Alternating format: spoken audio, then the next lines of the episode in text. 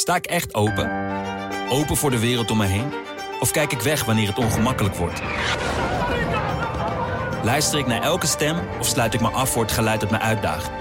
Met de Volkskrant voel ik me verzekerd van een open vizier op de wereld om me heen. Open je wereld. De Volkskrant. Hallo, ik ben Tony Mudde, chef van de wetenschapsredactie van de Volkskrant. Even voordat je begint met luisteren naar deze podcast, we hebben bij de Volkskrant nog veel meer podcasts. Waaronder Ondertussen in de Kosmos, die ik presenteer. En waarin je alles te weten komt over wat er zich in onze kosmos, en dus ook planeet Aarde, afspeelt op het gebied van wetenschap. Dus luister en abonneer je in je favoriete podcast-app.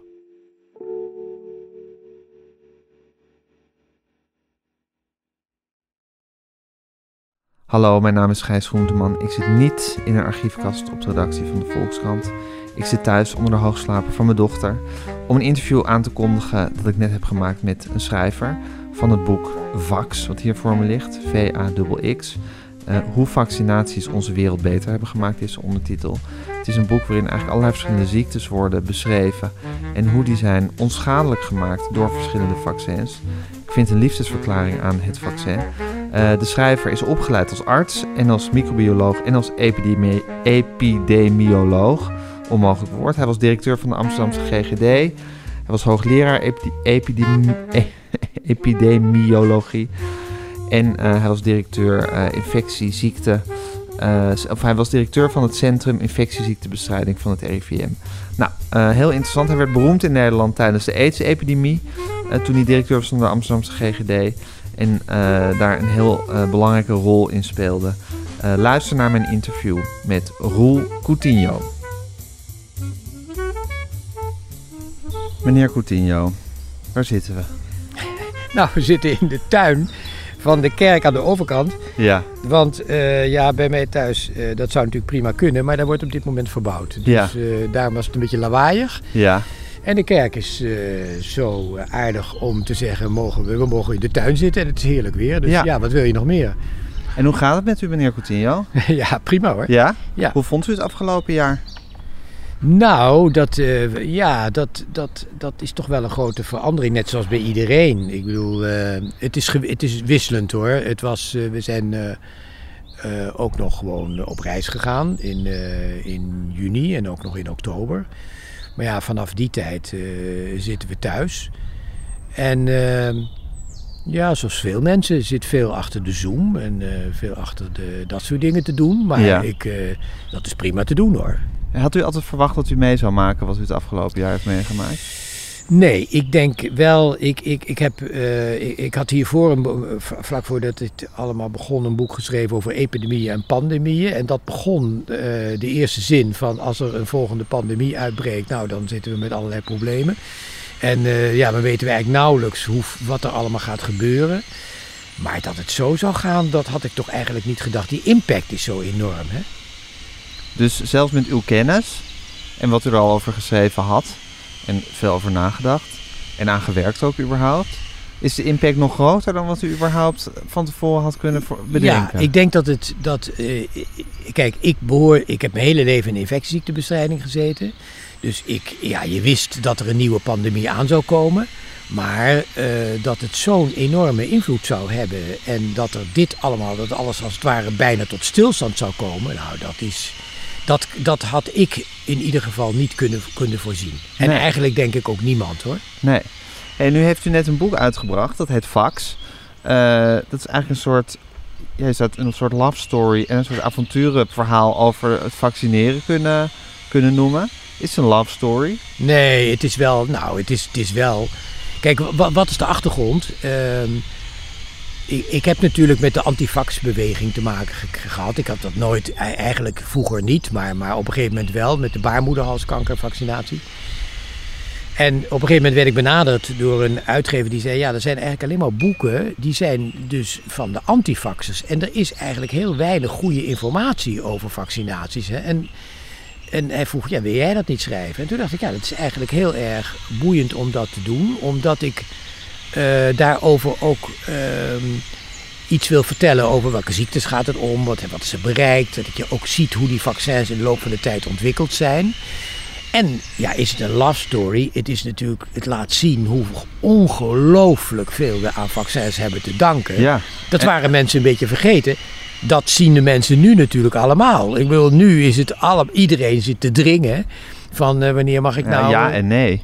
Nou, ik denk dat de meeste mensen wel. De, de- ik bedoel, als je kijkt, er is altijd weerstand tegen. Ja. Maar bij de groepen die dus risico lopen, zeg maar, de, de, de 60 jaar, 60-plussers, ja, daar willen de meeste mensen eigenlijk, die, die, die willen zo snel mogelijk gevaccineerd worden. Dus wat dat betreft is er wel iets veranderd hoor. Ja, heeft u het idee dat, we- dat bedoel, mensen zijn zich meer bewust, maar er is ook meer, ook heb ik idee, meer weerstand of meer kritiek of meer wantrouwen tegen. ik geloof dat niet. Nee? Nee, ik denk dat er wel. dat zijn er- gewoon de schreeuwlelijke. Nou, er zijn, er zijn gewoon altijd mensen die. eh, er is een kleine groep mensen die. eh, die, die eigenlijk geen enkel vertrouwen in vaccins hebben. En ook het gevoel hebben dat dat verschrikkelijk, eh, verschrikkelijke dingen zijn. Je vergif inspuit enzovoort. Dat is denk ik een hele kleine groep. En die is luidruchtig aanwezig. Ja. Waar het om gaat is dat er eh, natuurlijk de ziekten waar tegen wij vaccineren. Die, hè, behalve dan COVID nu, die zijn we een beetje vergeten. Ja, en, Omdat, ze, omdat we er tegen vaccineren. ja, omdat we tegen vaccineren. Ik bedoel, wie, wie, wie we weet nog vaccineren. dat we vaccineren allemaal tegen kinderverlamming. Maar wie weet nou eigenlijk nog wat kinderverlamming is? Eh, we vaccineren tegen mazelen, maar, maar de meeste mensen die, ja, hebben geen idee meer. Dat geldt voor de meeste van die ziekten. En aan de andere kant eh, is dan tegelijkertijd hebben vaccins hebben altijd bijwerkingen. Meestal zijn het lokale bijwerkingen. Ja, en die komen dan in het volle licht te staan. Op het moment dat dat eh, veel aandacht krijgt, worden mensen toch een beetje van, nou, hoe zit dat nou precies? En dan gaan ze zelf zoeken op internet. Nou, dan is het lastig om te zien van wat is goede informatie en wat zijn gewoon meningen en verhalen. Ja. En dat is de reden dat ik dit boek gemaakt heb om te laten zien, dit zijn de feiten. En ik, ga, ik ben, geen, ik ben geen, geen moralist, ik ben niet iemand die, die eh, probeert mensen, eh, te, ik probeer te laten zien wat je met die vaccins doet en wat we bereikt hebben. En dan is het aan de mensen zelf, maar dat ze wel de goede informatie hebben. Dat, Ja. dat is eigenlijk gewoon de doelstelling. Want er zijn eigenlijk al een paar dingen rond de psychologie van het vaccineren, als ik het maar even zo mag noemen. Namelijk A, dat inderdaad als een vaccin effectief is, dat de ziekte verdwijnt of in ieder geval zo hevig onderdrukt wordt dat die eigenlijk bijna niet Ja. onmerkbaar is geworden.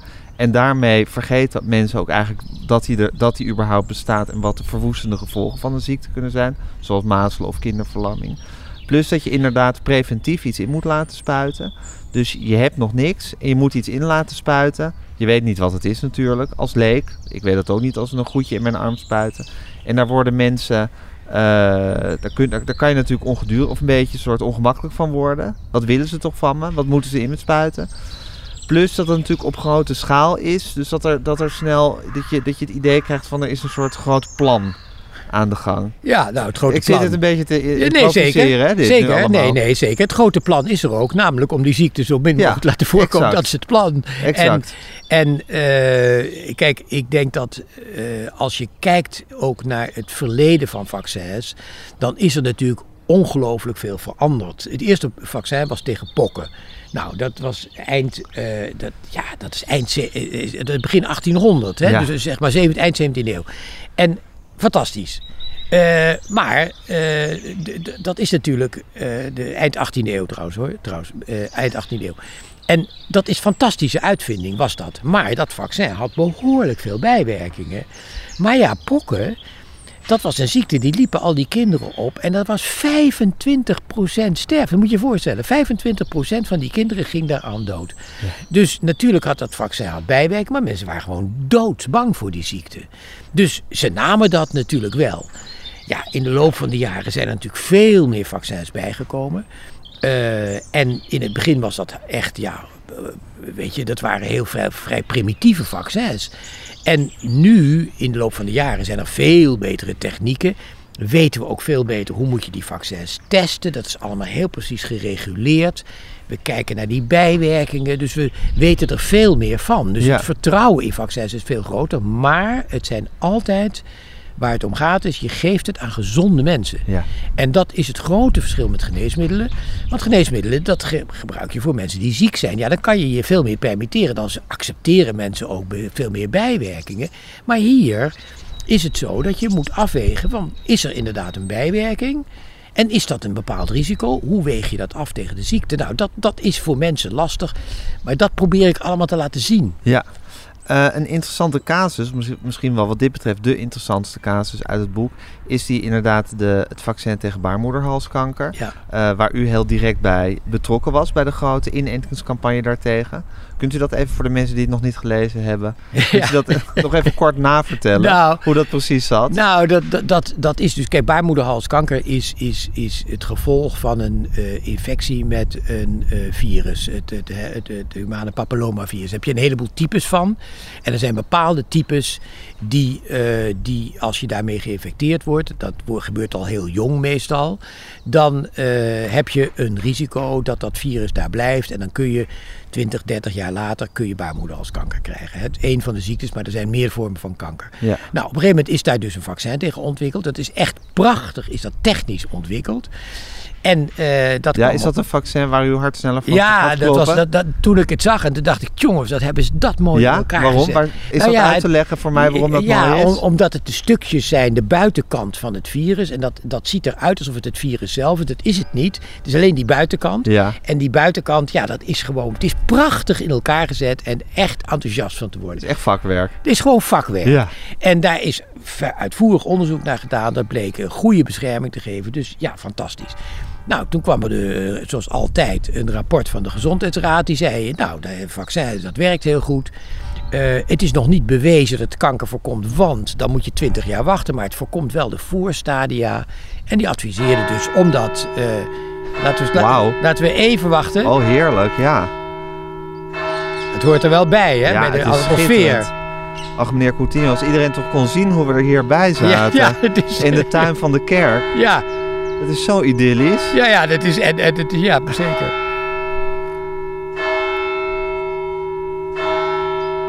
Houdt u van de zon?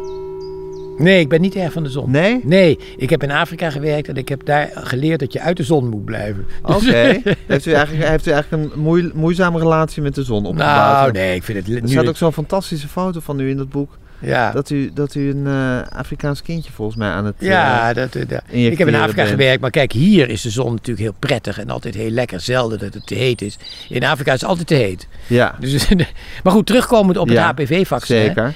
Eh, nou ja, dat, dat, dat vaccin werd dus aangeraden. En toen zijn we, eh, ja, toen, dan wordt er een campagne opgezet enzovoort.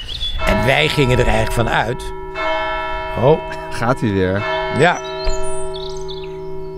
Eh, wij- gingen er eigenlijk van uit dat dat ook gewoon geaccepteerd zou worden. Ja. En dat was een, bleek dus allemaal heel anders te gaan. Er kwam een enorme weerstand tegen. Kwamen allemaal berichten op internet van ja, maar zijn meisjes verlamd geraakt.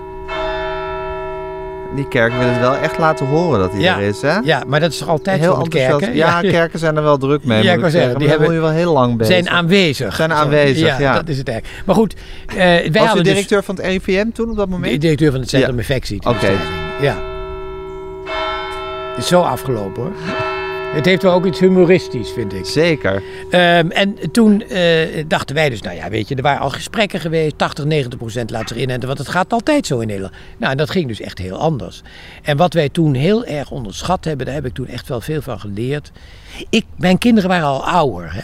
Dus als ik nou kinderen had gehad in de leeftijd van 12, 13 jaar, dan had ik me beter gerealiseerd hoe die met elkaar communiceren. Dat wist ik eigenlijk gewoon niet goed meer. En dat wisten we daar bij het RIVM ook niet. Dat gaat allemaal via die internetsites. Ja. Dus dan kwam er een berichtje. Fora Dus, in die ja, tijd, Ja, ja. en even een berichtje. En, en eh, ja, er is een meisje verlamd geraakt. En dit en dat. En het ging, het ging razendsnel ging dat rond. Als een lopend vuurtje. Ja, en die, en die moeders, hè, die moeders hebben de meeste invloed. De moeders en die meisjes, die, ja, die, die, die, die werden daar toch zenuwachtig van.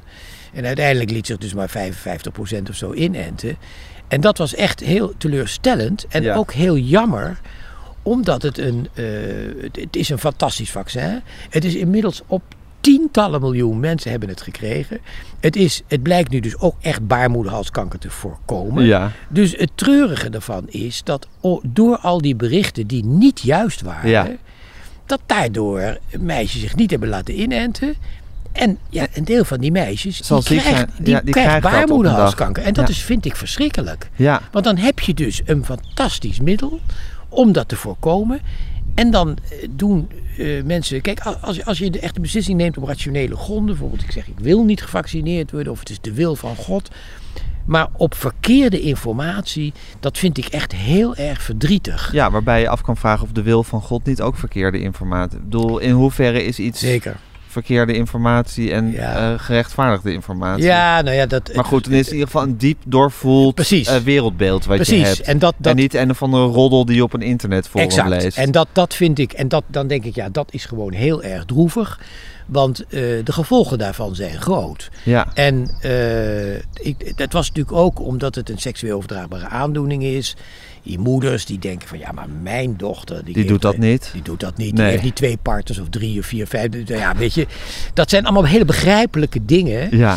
Maar eh, die- ja, die, dat, vond ik echt een. Was dat eigenlijk voor het eerst dat u daar zo tegenaan liep? Tegenover, ik bedoel, u, had, u kende natuurlijk al, eh, weet ik veel, wat in Staphorst, inderdaad mensen die om principiële gronden niet zich zo lieten vaccineren. Maar dat er ineens zo'n soort, zo'n soort, zo'n soort eh, hypeje was tegen een bepaald vaccin. Ja, ik had het nog nooit eerder. Ik had het ook nooit serieus genomen, die hele beweging niet. Ik dacht, het is een marginale be- beweging.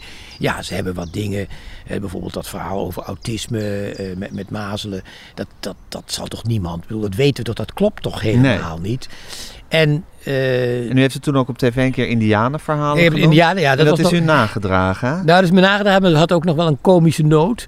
Want eh, toen kreeg ik op een gegeven moment een- bij een eh, verhaal in de Rode Hoed... kreeg ik toen een boekje met indianenverhalen van de antifaxers aangeboden. Dat vond ik nog wel erg geestig. Maar daarna liep het wat minder prettig. Toen werd ik, moest ik min of meer vluchten. Ja. Omdat, ik zo, omdat mensen zo ontzettend agressief waren. Maar het, het is...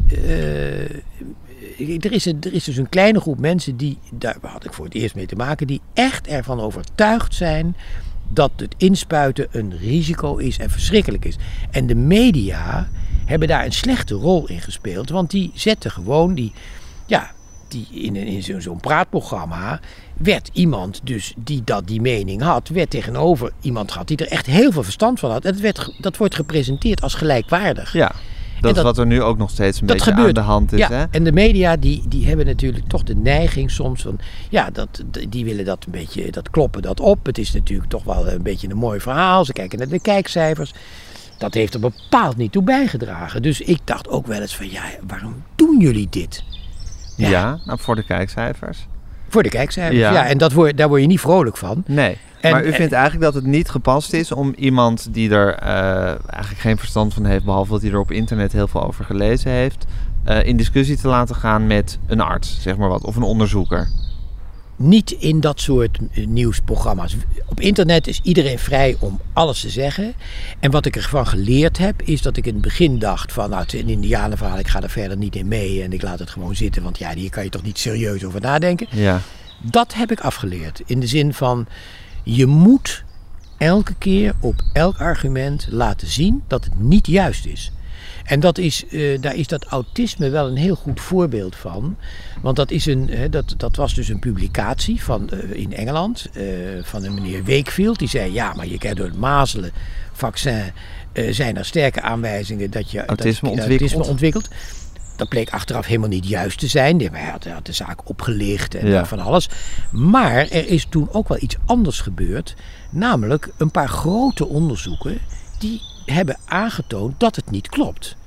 En dat is, dat is eh, hè, dan kan je natuurlijk zeggen, nou dat is helemaal niet nodig, want we weten toch dat dat onzin is. Ja. Nee, dat, waren, dat zijn twee Deense studies, die zijn echt ontzettend serieus gedaan om te laten zien, dit verhaal is niet juist. En dat is eh, denk ik toch wel de manier waarop het moet. Dit, dit is een beetje vergelijkbaar met de, de AIDS-tijd. Hè. Ik, ben, ik, ben, ik heb mijn vuurdoop, vuurdoop gehad in de AIDS-tijd. En toen, eh, in, in, in begin jaren tachtig, en toen was er een, een, een, eh, een, bioloog, die overigens hoogleraar was, een slimme vent in Californië, Peter Duisberg, en die zei, nou, AIDS wordt helemaal niet veroorzaakt door HIV. Dat klopt helemaal niet, je hoeft dus ook geen voorzorgen te nemen enzovoort. Nou, niemand nam dat serieus in het begin, maar die man die kreeg dus toch aandacht. En ik weet nog dat wij toen hadden we een groot AIDS-congres in Amsterdam. En daar hebben we hem dus ook gevraagd om kom maar daar naartoe. En hebben we een discussie georganiseerd om te laten zien dat dat niet juist was. En gewoon met feiten. Omdat, en daar heb ik toen wel me gerealiseerd, je moet laten zien dat dingen niet kloppen. Kijk, als je daarna de mensen niet overtuigt, dan is dat niet anders. Maar je moet het niet alleen wegzetten als onzin. Want dat is, dan doe je hetzelfde. Hè? Nee, Dan- maar het lastige is natuurlijk dat, dat, dat u bijvoorbeeld en uw collega's wetenschap aan het bedrijven zijn. En op basis van feiten proberen conclusies te trekken. Dan komt er iemand met een uit zijn duim gezogen verhaal. Op basis van veronderstellingen of ideeën of eh, nou, een gevoel, weet ik veel wat. En dan moet je eigenlijk met al je serieuze wetenschappelijke kennis en achtergrond. dat eventueel ook nog gaan onderzoeken en dat heel serieus nemen. Ik bedoel, juist door het serieus te nemen, geef je het ook alweer misschien te veel aandacht. Ja, aan de ene kant is dat zo. Maar Ja. aan de andere kant is het de enige manier om eh, te laten zien dat je zegt: dit klopt niet. Nee. Er is geen andere manier. Nee. Want, ehm, en wat je vaak ziet bij, bij de antifaxbeweging is dat er dan één argument is en dan komt er een volgend argument als dat eerste argument dan weg is. Dus het is, het is echt een diep geloof. En de mensen zijn er ook van overtuigd hè, dat je iets heel slechts doet. Ja. Ehm, dus ja, ik zie geen andere manier. Maar het is, eh, mij werd toen verweten van ja, indianenverhalen, dan stel je je toch wel erg arrogant op. En daar zat wat in. Dus u ziet de antifaxbeweging als een diep geloof. Als Eh, een een- ja, het is dicht bij geloof. Eh, ja. precies. Een diep geworteld geloof bij mensen. Eh, er zit een, een, een eh, gevaarlijke kant aan. Dat het dus, omdat het dus eigenlijk de volksgezondheid in, eh, in gevaar brengt, zou je kunnen zeggen. Ja, dat, laten we dat niet overdrijven. Want als je kijkt naar Nederland, dan is natuurlijk de vaccinatiepercentages, Hoog. die zijn nog steeds heel erg hoog. Die zaten in het begin 96, 97 procent lieten inenten. Toen is dat een beetje gedaald. Maar daar is een maatschappelijke reactie op geweest. Omdat, eh, dat voor de covid allemaal, dat ouders zeiden... ja, maar mijn baby gaat naar een crash... En daar zitten kinderen in waarvan de ouders willen. En dan krijgt het mazelen. Mijn kind is dan nog niet gevaccineerd. Dat loopt risico. Dus ik wil dat niet. Nou, die discussie is ook heel goed. Want die laat zien dat er maatschappelijk verweer tegenkomt. Ja. Dus dat vind ik allemaal dingen die. En sindsdien is het ook weer stabiel. Het begint eigenlijk weer een beetje te stijgen. Dus ik, ik denk, ja, het heeft wel. het- bij de HPV had het dus onverwacht veel invloed. Maar bij de andere vaccins valt het tot op heden gelukkig heel erg mee. En bij, bij COVID eh, denk ik toch dat de ziekte is zo ernstig. Dat eh, voor die ouderen althans, hè, dat, Ja. daar, daar, daar is dat eigenlijk geen punt. Maar voor de jongeren is het natuurlijk wel een punt. Want die denken, ja, maar ik, ik word toch helemaal niet ziek? Precies. Ja, nou ja, kijk, En er zullen mensen die zeggen van ja, ik, eh, ik hoef het niet. Want, eh, eh, want ik, ik, ik ben niet zo bang om het te krijgen. Dus dat is toch prima als ik het niet neem. Ja, maar dan heb je ouders en je hebt grootouders. En ik denk toch dat daar veel solidariteit mee is. Men ziet het in zijn eigen omgeving. En dan zeggen ze die zijn gevaccineerd. Ja, die zijn gevaccineerd. Nou ja, en dan is de volgende, wat er nu dus aankomt, de indirecte vaccinatieplicht. Ik bedoel, dat is, is natuurlijk toch. Eh, waar het naartoe gaat, is dat je niet meer naar een ander land kunt reizen en geen vliegtuig meer kunt nemen als je niet eh, gevaccineerd bent. Ja, of je moet je elk ogenblik laten testen. Maar er komen dus gewoon dat soort regels. En eh, kijk, een verplichting, dat werkt nooit. Want je kunt het niet afdwingen. Maar ja, dit soort dingen zijn natuurlijk heel logisch. Omdat een land denkt, ja, maar ik wil geen import hebben van gevallen. Dus zo gaat het lopen. Ja. Ja. Het zal gewoon een. eh, het, het, er komt een soort maatschappelijke druk om te doen. Dat je anders ook gewoon beknot wordt in wat je nog kan doen, überhaupt. Nou ja, geen- maar niet alleen maatschappelijke druk, echte druk. Want Echte als je, druk, ja, ja. Want in feite, als je dan op reis wil of je wil eh, naar een voetbalwedstrijd, ja, dan, dan zal dat mee gaan tellen. Ja. En eh, ja, daar kun je natuurlijk van zeggen, ja, dat is niet eerlijk. Aan de andere kant, je doet het niet alleen voor jezelf, je doet het ook voor anderen. Ja. Ja. Dus als je dat weigert te doen, dan zou je daar toch ook de prijs voor moeten betalen Ja. op een of andere Ja, manier. in zekere Het is zin. niet anders. Het is niet anders. Je hebt een bepaalde verantwoordelijkheid, die geldt ook voor andere dingen, die geldt hier ook. Ja. Meneer Coutinho, u zegt ik had mijn vuurdoop in de eetstijd. Ja. Wat bedoelt u precies met het woord vuurdoop? Nou, dat bedoel ik letterlijk vuurdoop. Ik ben, eh, ik ben naar Amsterdam gegaan. eh, ik ben hoofd van de infectieziekteafdeling geworden. Nou, in die tijd zei men eh, infectieziekte, dat is eh, echt het saaiste onderwerp wat er bestaat. Dat was in de jaren zeventig. Ja. En, eh, ja, Waarom was u aangetrokken tot de infectieziekte? Nou, het, ik, ik had in Afrika gewerkt. Ik had in de pokkenbestrijding gezeten de, in, in, in Bangladesh. Ik vond dat ongelooflijk boeiend. Ik ben toen in een laboratorium gaan werken. Waarom vond u dat zo boeiend? Ja, dat is omdat je. ehm, Ja, weet je, pokken heeft dus, eh, was aan het, werd bijna uitgeroeid. En er was een vaccin wat dus heel goed werkte, dat 100% bescherming gaf. Maar het was daar, eh, ja, het, het was een maatschappij. Ba- Bangladesh was toen, zat midden in een hongersnood. Het was een verschrikkelijke tijd, moet ik zeggen. Ik heb nog nooit zoiets meegemaakt. Mensen die, die dood op straat gingen van de honger. Maar zelfs onder die omstandigheden kon je dus die, want het waren de laatste haarden, die moesten voor de hele wereld worden uitgeroeid. En dat lukte door dat gewoon heel systematisch aan te pakken. Vond ik gewoon ongelooflijk interessant. Die samen, samenhang. Kijk, infectieziekte gaat niet over biologie alleen maar.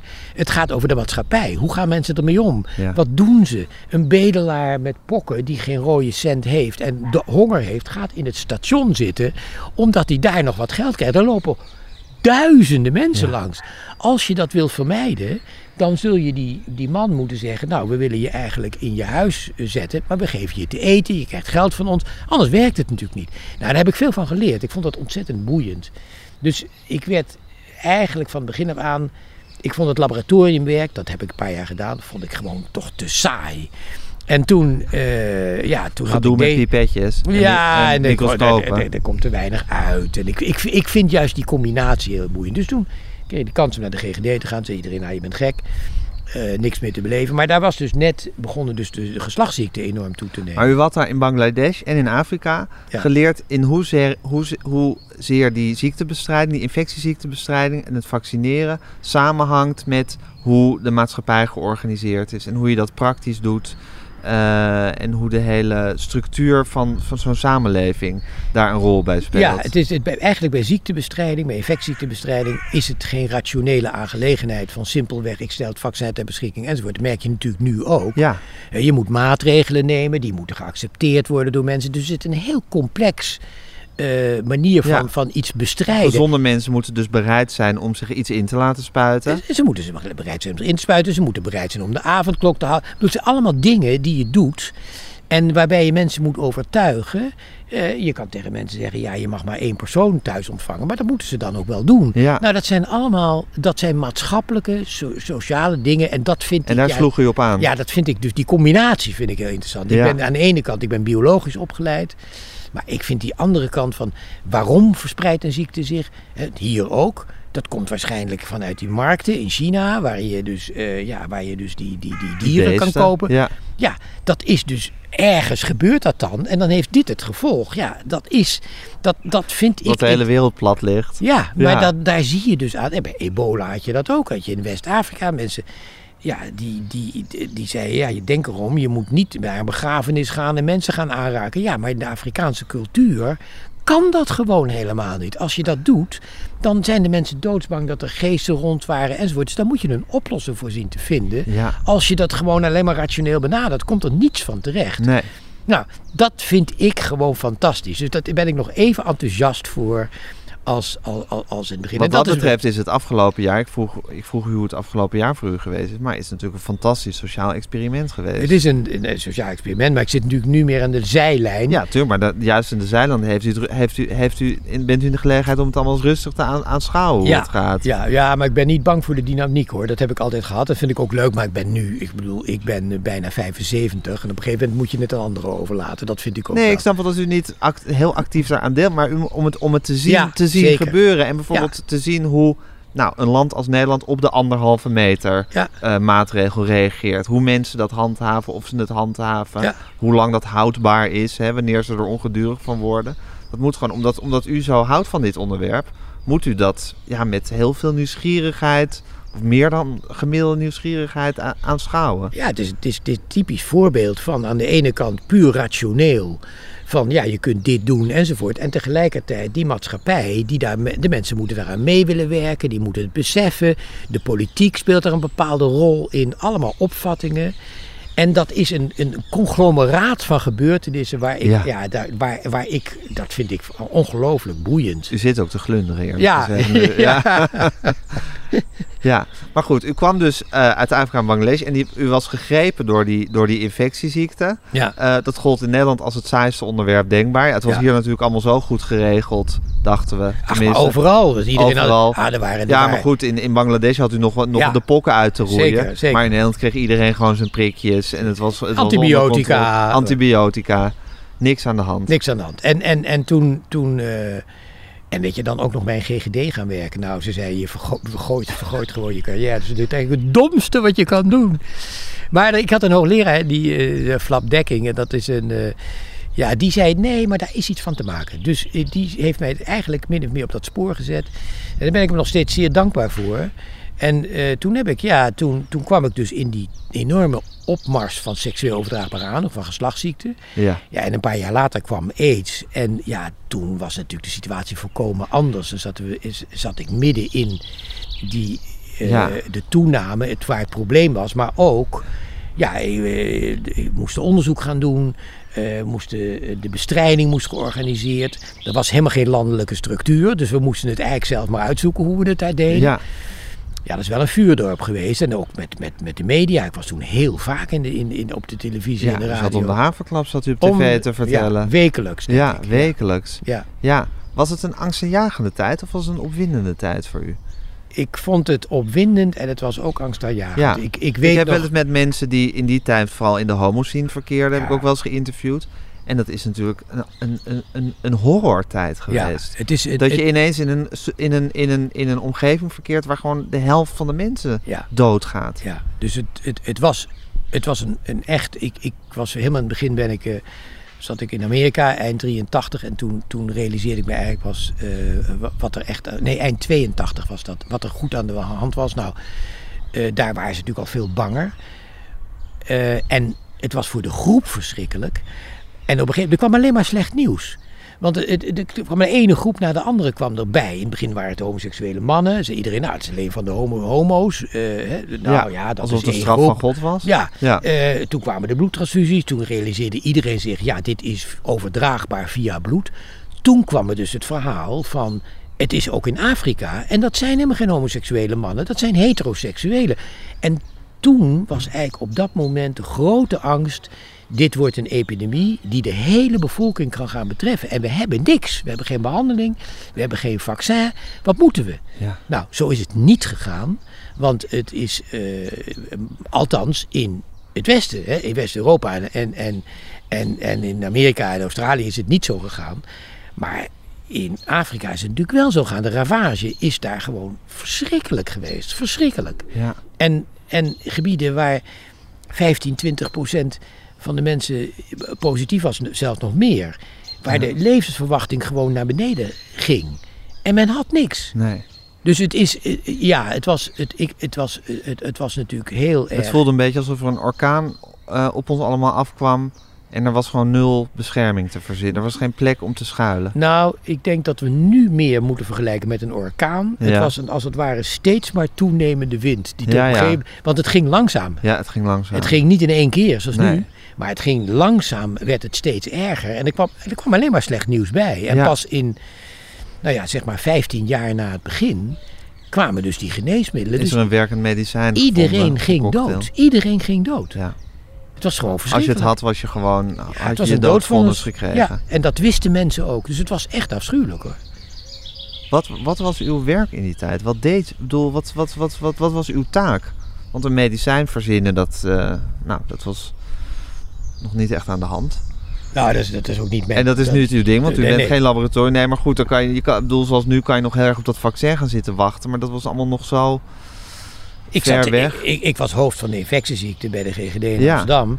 En ik moest dus de bestrijding organiseren. Dus de voorlichting moesten we organiseren. Ja, We zorg moesten- dat iedereen aan de condooms ging. Eh, aan het testen moesten we zorgen dat de mensen getest werden. Want ja, eh, en uitleg over hoe het allemaal ging. Ook over het stigma, dat de mensen niet onnodige stigma... Die, die It's a Sin, hè, die, die serie, daar zie je dat ook. Ja, Die, die angst van mensen om iemand aan te raken... Ja, die was natuurlijk helemaal niet reëel. Want er was helemaal niks aan. Je kon mensen gewoon aanraken. Maar die angst had je ook mee te maken. Dus, en het onderzoek. Dus ik zat aan de ene kant midden in de bestrijding... En aan de andere kant hè, eh, zat ik eh, midden in het onderzoek, want we zijn al heel snel begonnen met, met onderzoek. En dat, is, eh, dat, dat was ook een leuke combinatie.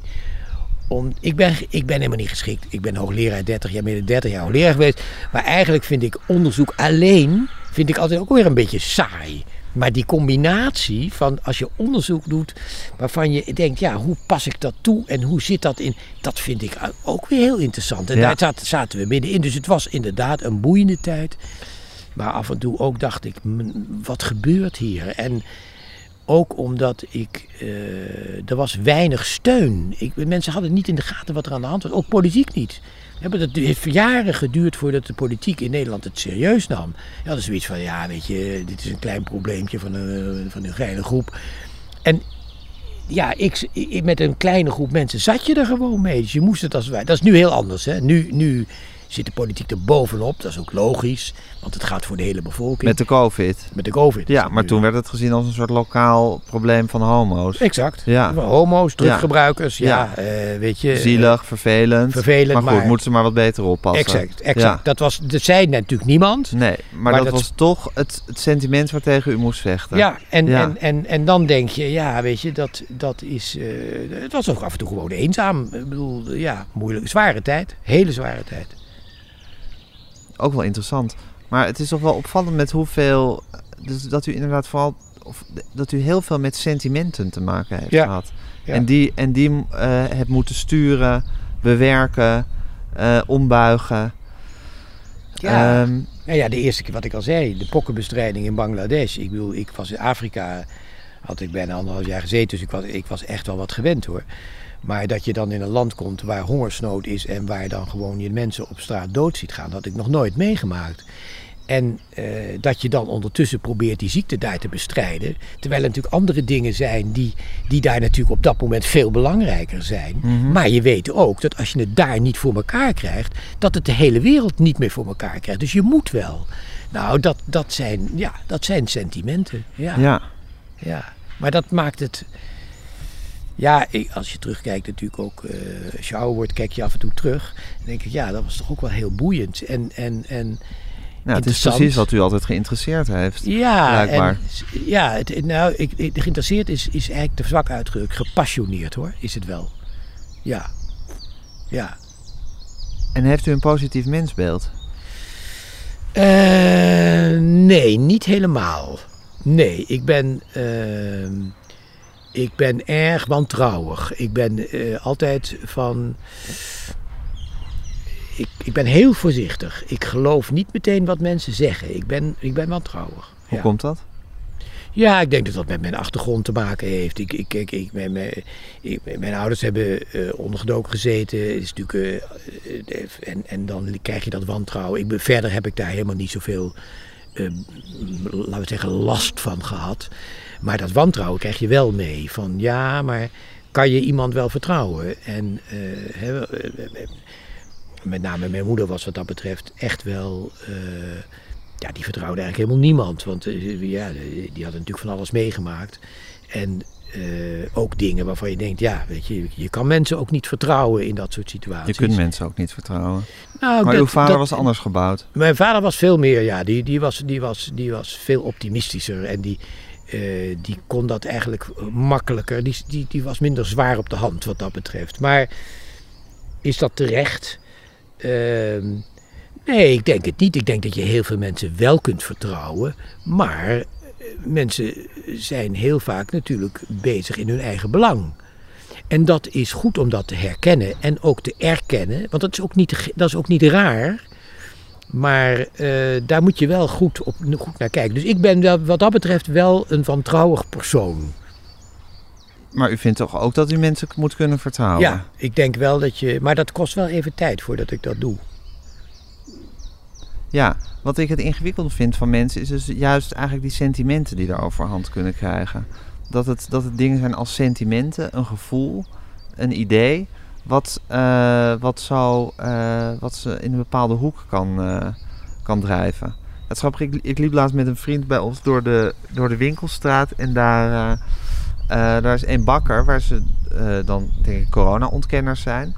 Dus daar hebben ze geen mondkapjes. En ook als je daar naar binnen gaat, word je een beetje, beetje ja, honend bejegend omdat je, geen omdat je een mondkapje draagt. En eh, dat zei ik toen tegen hem van ja, hier, gel- en toen hij was, wat geloven ze hier niet in corona? En toen dacht ik dat is net zoals als het vroeger moet zijn geweest, of net zoals, maar vergelijk met de- als er dan NSB'ers in de straat wonen. Van kijk, daar wonen NSB'ers.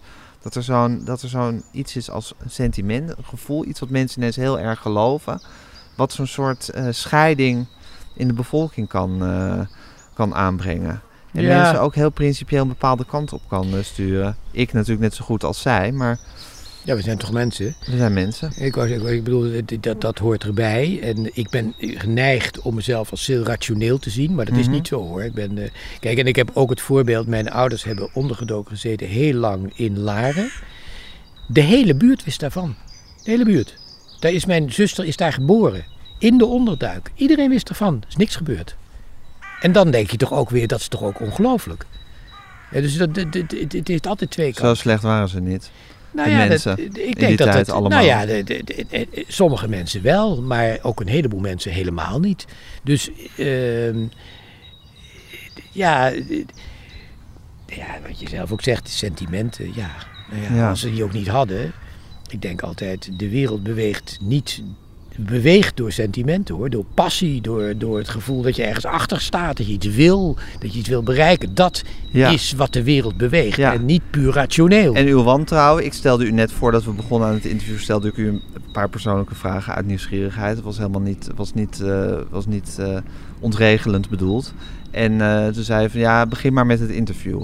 Maar dat heeft daarmee te maken dat u, dat, u het, dat, u, dat u niet heel makkelijk zomaar aan iedereen allerlei persoonlijke gedachten over weet ik veel wat eh nou, dat, prijsgeeft. Ja, dat, dat is aan de ene kant. Aan de andere kant denk ik ook. Ik, ik, ehm, ik ben niet echt de social talk. Ik ben niet zo, ik ben niet zo sociaal. Hè? Maar heeft dat, te dat kan met dat wantrouwen te maken hebben. Nou, dat weet ik niet hoor. Want ik heb veel goede vriendschappen. Dus dat is, dat is niet zo. Tuurlijk, Ik, eh, nee, ik neem aan dat er sommige mensen er Ja. doorheen breken en dat u Ja. tegen hen wel gewoon honderd uitpraat. Ja, maar ik, ben, ik, ik kan me zeer goed in groepen handhaven. Ja. Maar eh, ik ben niet. eh, dat is, heeft niet mijn, mijn voorkeur, laat ik het zo zeggen. En waarom niet? Ja, dat weet ik eigenlijk niet. Het ene, ja, ik- ben, ik ben ook. Mensen denken dat ik heel extrovert ben, maar dat is ook niet zo. Ik ben betrekkelijk introvert hoor.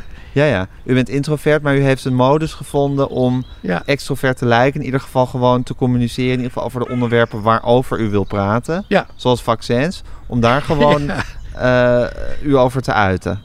Ja, dat, vind ik, dat, dat, boeit me en daar wil ik dan het over hebben. Maar ik hoef niet over allerlei persoonlijke dingen te praten. Dat vind ik eigenlijk helemaal niet zo. Ja, nou, waarom, waarom zou ik? Dat gaat ook niemand wat aan eigenlijk. Ja, nou, ja, dat, dat, dat, dat, daar, daar, zit een, en daar zit een wantrouwige aard onder. Ja, Tenminste, je zo, zeggen. inter- zo interpreteer ik dat. Ja, maar dat is ook zo dat ik vind dat je, eh, je moet je bij je eigen expertise houden, bij de dingen waar je verstand van hebt. Ik denk dat het niet nodig is om al die persoonlijke dingen. Soms zie ik, kijk ik naar de tv, dat doe ik dus niet vaak. Ik kijk naar een voetbalwedstrijd, ik kijk Ja. naar, eh, naar, naar Beck bijvoorbeeld, of naar eh, film. Dat vind ik allemaal leuk. En, en het nieuws, als het niet te veel wordt, want op een gegeven moment heb je zoiets van, nou, nou, nou is het wel mooi geweest. Maar een enkele keer kijk ik natuurlijk wel eens en dan zie ik dat mensen alles vertellen over hun persoonlijk leven. En dat verbaast me dan. Dan denk ik, joh. Wat is je belang om je zo te uiten, denkt u ja, dan? dat, dat, maar goed, dat Mensen staat, houden ervan om te delen. Ja, dat, daar staat ook iedereen. Tenminste, niet iedereen, Nee, maar net veel, veel mensen houden ervan om te delen. Ja, en dat is ook ieders goed Die recht. vinden dat bevredigend. Ja, en dat Ja. is ieder goed recht. Ik, ik zou dat niet zo gauw doen. Nee, nee. Hoe was dat in die eetstijd als u zo met zoveel leed om u heen geconfronteerd werd? En zoveel mensen die ineens in het aangezicht van de dood stonden. eh, vanuit een heel eh, goed en eh, probleemloos leven tot dat moment. En dat je dan zo'n doodsvonnis krijgt. Heeft u veel...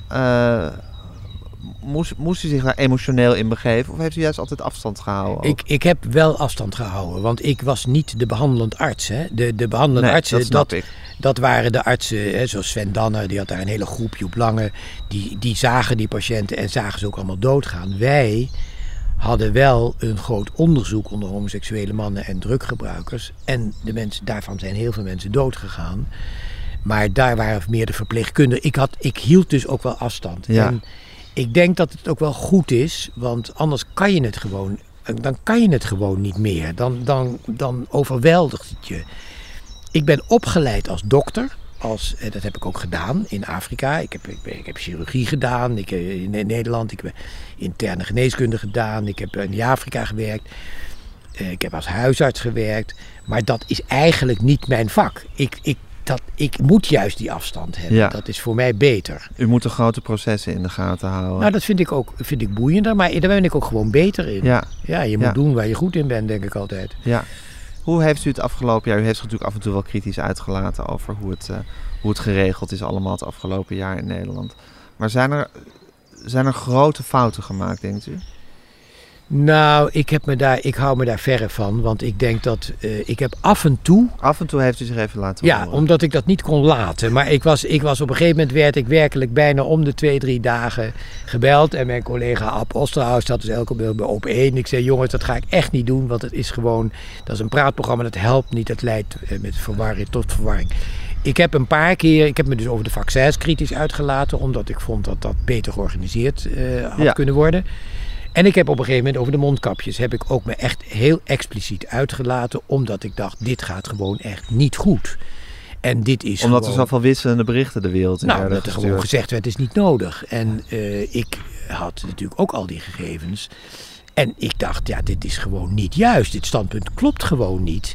En dat is daardoor verspreidt het virus zich sneller. Dat kan gewoon niet. Nee, Dus toen, ja, dan moet je wel. Maar ik, ik dat heb... vond u uw plicht om... om Ja, eh, kijk... dat was als je het nou over sentimenten hebt, dat is ook wel interessant. Want dat, die mondkapjes werd een soort heel principieel punt. Ja. Dat werd, dat, dat, dat, ja, maar dat was grappig. Want je kan zeggen van, nou, ik lees die cijfers en ik, ik weet niet of ze zin hebben. Hè? Dat van Ja. Dissels een standpunt. Andere mensen dachten van, nou, het heeft wel zin. Maar het werd een soort, het werd een soort hanengevecht. Jawel, maar dat is, dat is. Kijk, daar is het echt niet goed gegaan. Want er waren gewoon. Die, zijn, die studies zijn inmiddels al veel beter gedaan. Er zijn gewoon studies die laten zien. Ja, het, het, het voorkomt wel. Dus. Het, en dan moet je aan de voorzichtige kant blijven. Want bij een. Bij een oh, dat net als die discussie met de aerosolen. Waarvan mensen zeggen: ja, het speelt geen rol. Dat kan je gewoon niet zeggen. Als je denkt dat het een rol kan spelen, moet je daar ook op inspelen. Dat kan je gewoon je niet permitteren. Nee. Daarvoor zijn de consequenties veel te groot. Ja, En eh, ja, daar heb ik me inderdaad op een gegeven moment over uitgesproken. Maar ehm, het is altijd een. Het, het, is, het, is kwetsbaar omdat eh, die discussies in de pers, die dragen bij tot de verwarring. En je hebt juist die, dat vertrouwen in die overheid en die maten heb je nodig. Want anders doen mensen het niet. Dus dat is een, is een delicaat evenwicht. Ja, dat is een afweging. Ja, eh, ik ben natuurlijk een mens, dus ik heb ook weer ego's. Dus ik denk ook af en toe, oh, het is best leuk om op televisie te komen. En dat moet ik dan, dan moet ik met mijn vrouw over hebben. Die zegt dan, nee, dat moet je niet doen. oké. uw, vrouw, uw, uw vrouw geeft het definitieve ja of nee? Nou, die, zegt, die is Die heel altijd- kritisch. ja. Ja, die zegt echt van ja, maar dit, dit, dit moet je echt niet doen. Of, en dat, dat moet je ook hebben, want in de tijd dat ik bij het RIVM had, zat er natuurlijk altijd een voorlichter bij. En die, daar kon je mee sparren. En die zei, ja weet je, dit moet je gewoon niet doen of dat moet je wel doen. Daar, daar heb je Ja. gewoon wat aan. Dat heb ik nu niet meer. Nee, maar u En- vindt het eigenlijk uw rol om zich afzijdig te houden nu? Om het met interesse te volgen, maar zich afzijdig te houden. Maar af en toe Ja. vond u, vond u dat, dat, dat er zo'n scheve schaatswedstrijd, dat het zo noodzakelijk was dat er toch eventjes ingegrepen werd, dat u vond, nu moet ik me laten horen. Ja, dan vond ik echt dat ik. eh, kijk, ik heb natuurlijk het voordeel dat ik dat gezien vanwege mijn achtergrond. heeft dat ook een bepaalde invloed. En dacht ik, ja, dat, dat moet ik nu gebruiken, want ik vind dat dat echt niet goed gaat. Nee. Het grappige is dat ik met Van Dissel het gevoel heb dat hij eigenlijk precies wat u zegt van het gaat over processen en ook een beetje over de psychologie van mensen, hoe je dat, hoe je dat hele proces stuurt en vormgeeft. Dat lijkt me nou net niet zijn sterkste punt. dat weet ik niet. Daar Dat ga ik ook niet over uitlaten. Nee. Nee. Het is zo grappig, want hij zei dus in die, bijvoorbeeld in die mondkapjesdiscussie was het van, eh, het is niet nodig, want als iedereen zich aan de anderhalve meter houdt, dan is het niet nodig. En ik vind, ja, dat is nou juist het probleem, dat het niet altijd vol te houden is. Maar dat is een soort psychologische stap die je wel moet kunnen zetten van, oké, we doen het in principe die anderhalve meter, maar het kan niet altijd. En soms is het vlees zwak of moet je even langs elkaar heen lopen in de supermarkt. Maar goed, dat zijn van die hele kleine psychologische nuances die je wel moet voelen. Nou ja, Jaap van Dissel is, is een klinicus. Hè. Die heeft natuurlijk al in het ziekenhuis gewerkt. Ik heb mijn hele leven in de maatschappij gewerkt. Dat is natuurlijk dan, dan, dat, dat is een verschil.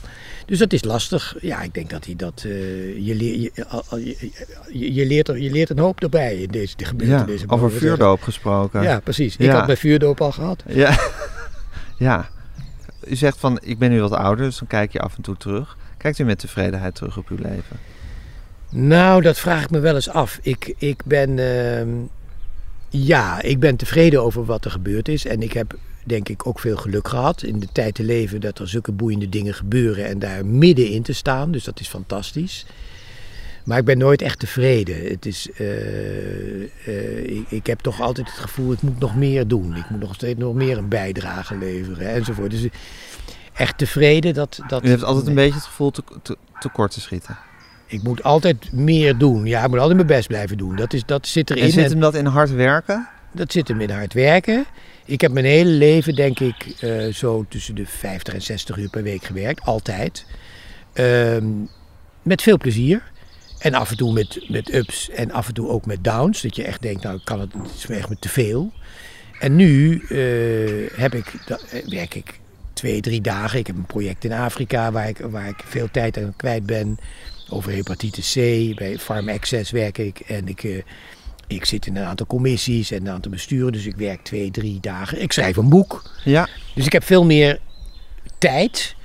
En dat is aan de ene kant heel erg leuk dat ik dat heb. Maar ook Maar- moeilijk. Het kost best moeite, ja, Ja. om je aan te passen als je je hele leven, nou ja, zeg maar vanaf mijn eh 23ste tot aan mijn 7, 7, 68 heb je, heb je 50, 60 uur gewerkt.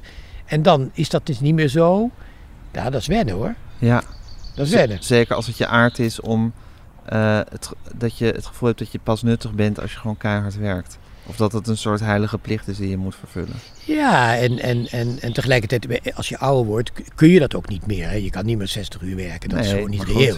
Dat is ook, vind ik ook vervelend hoor. Ja, Want Ja. eh, dat, dat vind ik, oud worden is niet, is niet echt ideaal, vind ik. nee, er zal niemand zijn die dat eh, met u oneens is, denk ik. Nee. Oud worden is gewoon een straf. Nou, Tenminste, nee. het is ook een cadeau nee, natuurlijk. nee. Een straf, Het is een cadeau en een straf Nee, een straf, een straf vind ik het niet. Nee? Maar, want je, bent ook, je hebt ook veel vrijheid meer. Hè? Dus je bent, eh, ik bedoel, je kunt in de tijd dat je, dat je bezig bent met je werk en je kinderen, dan heb je, de, de- je, je bent zo ontzettend druk. Dat, en nu heb ik veel meer tijd. Ik Ja, maar dat meer- vindt u juist zo moeilijk. Ja, maar ik vind het ook wel leuk. Ik vind Ja, ook, het is wel eh, grappig, want dit is dus net een van die vragen die ik geheel achterloos tussen neus en Ja. lippen doorstelde voordat we begonnen. Van, Ja. eh goh, bevalt het u lekker wat minder werken? Nou, ik maar dat is nou net precies eigenlijk een van de, van de pijnpunten in uw leven. Ja, maar ik lees bijvoorbeeld, ik lees heel veel. Dat vind ik ook heel erg leuk. Ik bedoel, ik heb nu, eh, ik, ik had toevallig, eh, de, de, de, ja, ik had net de Toverberg gelezen. Ja. En eh, nou, dat had ik jaren geleden had ik dat gelezen, dus ik was het echt vergeten. En toen was er bij de HOVO-cursus, zag ik dus dat er iemand was die een uur lang een lezing hield over de achtergrond. Ja. En dat vond ik dus ontzettend interessant. Toen dacht ik, hé, daar zijn er toch wel dingen waar ik eigenlijk niet aan gedacht heb. En dat, dat zou ik daar vroeger nooit tijd voor Nee, maar hebben. dat soort, dat soort eh, vermaak, want dit is toch vermaak op niveau. Maar goed, dat ja. moet je jezelf wel kunnen gunnen. Zeker. Je En- moet, je, je moet in, een, in, een, in een geestelijke toestand zijn dat je ervan kan genieten om je eens even flink in de toverberg te verliezen. Ja. En niet te denken, maar eigenlijk moet ik nu zes onderzoeken lezen om te, precies te weten hoe het Nee. zit met aerosolen en Ja, mondkapjes. en dat kost moeite. Ja. Maar ik wil helemaal niet zeggen dat ik alleen maar de Toverberg en eh, de, de Russische romans lees. Want ik kijk met evenveel plezier naar, naar, Naar Beck. eh, Martin Beck. Want die Ja. vind ik, dat vind ik hartstikke leuk. Dat vind Ja. ik echt heel erg leuk. Ja, dat geloof ik. En, en dat, dat is spannend. Ja. En dan kijk ik echt met plezier. En ik vind, als ik een voetbalwedstrijd, dan kan ik meeschreeuwen van hier tot gin. Dat vind ik ook hartstikke leuk. Ja. Nee, dat kan ik wel. Maar het is niet zo dat ik puur alleen maar voor vermaak zou kunnen leven. Dat vind ik moeilijk. Dat kan ik niet. Zeker. En Dus- zelfs een beetje voor vermaak leven moet u al. Nee, enige moeite voor doen. dat valt mee. Ik, dat, daar ben ik toch wel, eh, heb ik een stappen in gezet. Denkt u vaak aan uw ouders nu u ouder bent? Of heeft u altijd vaak aan uw ouders gedacht? Eh, ja, af en toe, maar niet speciaal. Gewoon niet speciaal vaak. Je denkt, als je ouder wordt, denk je wel wat meer over. Hoe oud zijn zij geworden? Eh, mijn vader is eh 79 geworden, maar die heeft een, al heel jong een, een, een, een hersenbloeding gehad. Dus die heeft 15 jaar, was hij halfzijdig verlamd. Dus dat was erg. En die is geëindigd vijf jaar in een eh, verpleeghuis, wat echt verschrikkelijk is. Dat heb ik gezien. Ik dacht, dit wil ik nooit. Het is echt afschuwelijk. En mijn moeder is oud geworden, is bijna 90 eh, geworden. En eh, dus ja, dat, dat, ja, je denkt daar wel aan, maar dat is natuurlijk toch ook alweer een stukje geschiedenis. Zij zijn gelukkig geworden, geworden na de onderduik. Ja, ja, ja. Ja, ze zijn, ja, god, zoals iedereen, ze moesten het weer opbouwen. En eh, dat is moeilijk, want eh, Nederland was nou niet het land wat als je uit de onderduik kwam, dat je op Met openbaar... open armen werd Nee, ontvangen. precies. Je kwam, eh, wat ik net zei, Flap Dekking, die, die, die, die, die zat in Auschwitz. Uw hoogleraar. Die hoogleraar, ja. En zijn vrouw zat, zat in Ravensbroek. En die, ja, die, daar kwam ik regelmatig. Ja, en die, die, die kwamen dan terug uit zo'n kamp. Was helemaal geen, ja, ga maar weer aan het werk. Hè. Er was helemaal geen aandacht voor. Dat geldt voor heel veel mensen. Dus het is wel moeilijk. Maar mijn ouders hebben, het, hebben gewoon weer een nieuw leven opgebouwd. Een blaricum. En- Dus het is eigenlijk, eh, ja, ik, wat dat betreft heb ik het eh, toch wel heel gemakkelijk gehad. Zeker, maar toch in dat gezin opgegroeid. Ja, ik vind het altijd fascinerend hoe die gezinnen gewoon na alles wat er gebeurd is in die jaren, dat je dan toch gewoon weer eh, een punt moet zetten en een gewoon leven moet leiden. Ja, Maar mensen dat zijn er een- sterk, hè? Dat vergis je Ja. niet. Mensen zijn sterk en eh, mijn ouders hebben ondergedoken gezeten, maar ze, ze hebben eh, geen vreselijke dingen mee. We zijn niet in een kamp beland. Ze hebben wel heel lang natuurlijk binnen gezeten, dus dat is waar. Er is wel op ze gejaagd. Zeker, maar er is een groot verschil of je in een concentratiekamp hebt gezeten. Dat is wel even wat anders. Dus het is een. Ja, eh, dat is er een- is zeker, er is een hoop gebeurd. Dus dat, dat, dat wil ik helemaal niet ontkennen. Dat is zeker het geval. Maar ik denk ook dat. eh, kijk maar eens naar wat migranten meemaken. Kijk maar eens van eh, een verhaal over een Syrische vluchteling. eh, of een, jongen die uit Afghanistan komt en dan op 16-jarige leeftijd hier in zijn eentje is. Mijn dochter heeft nu iemand waar ze dan af en toe mee gaan wandelen. En die hele gezinnen, die, ja, die, die, die, daar gaan ze af en toe iets mee doen. Om te laten zien, zo'n jongen, van ja, hoe zit een Nederlands gezin in elkaar. Nou, als je dan zo'n verhaal hoort wat zo iemand heeft meegemaakt, dan realiseer je je ook dat dat nog steeds allemaal gebeurt. Die dingen gebeuren. Ja. En ehm, ja, mensen zijn wel sterk hoor. Die, die kunnen veel aan. Het leven, meneer Coutinho. Het leven. Je En, moet er doorheen. Nou ja, ik, ik, ik kan niet zeggen dat. Het, ik, ik, het is, als ik terugkijk, denk ik, nou, het, het is boeiend. En eh, ik vind de dood echt verschrikkelijk. Dus dat is gewoon het idee Ja? dat dat, ja, dat idee dat dat afloopt. Dat vind ik volkomen onacceptabel. Dat is gewoon, vind ik gewoon verschrikkelijk. Kan ik helemaal niet. Ik heb er ook nooit over nagedacht. Pas als je ouder wordt, dan ga je erover nadenken. Ik heb wel eens. eh, Maar je hebt mensen zien sterven op straat. ja, ja, maar dat betrek je niet op jezelf. Dat is eigenlijk het rare. Ik, eh, ik heb toen ik op een gegeven moment, in, in, in, zoals iedereen in de midlife crisis, toen dacht ik, nou, ik ga motorrijles nemen. En eh, mijn zoon, die was, toen, die was toen 18 en die zei, oh dat is een goed idee, dat ga ik ook doen. En eh, dus wij samen op, op motorrijden. Nou, hij had dus binnen de kortst tijd had hij dus een examen en, en, was, reed hij op die motor. En ik merkte dat ik gewoon bang was. Ik was gewoon bang. Ik zat op die motorfiets en ik durfde het gewoon niet. Dus ik heb twee keer examen gedaan en dat ging gewoon niet. En toen dacht ik, dit moet je helemaal niet doen. Dat is heel raar eigenlijk. Want, want als je ouder wordt, zou je ja kom op zeg, waar heb je het over? Maar als je jonger bent, denk je daar allemaal niet over na. En nou ja, dus dat, dat zijn filosofische dingen. Die horen, die, dit hoort bij het leven. Ja. Ja. Dus toen heeft ze de midlife crisis maar gewoon zonder motorrijbewijs uitgezeten. Zo gaat dat. Zo gaat dat. Meneer Coutinho, heel erg bedankt voor het boek over de vaccinaties. De lofzang op de vaccinaties. De liefdesverklaring aan de vaccinaties. En tegelijkertijd ook een soort detective over va- vaccinaties. Over alle ziektes en hoe ze zijn uitgeroeid. En eh blijf nog een beetje werken, zou ik zeggen. Dankjewel. Dank u wel. Dit was Met Groenteman in het Nieuwe Normaal met Roel Coutinho. Mijn naam is Gijs Groenteman. Ik maak deze podcast samen met Daan Hofstee. U kunt zich abonneren op alle mogelijke manieren. U kunt ons een mail sturen, podcasts.volkshand.nl. U kunt ons volgen op Instagram, @metgroenteman. En geef ons, als het kan, lekker veel sterretjes.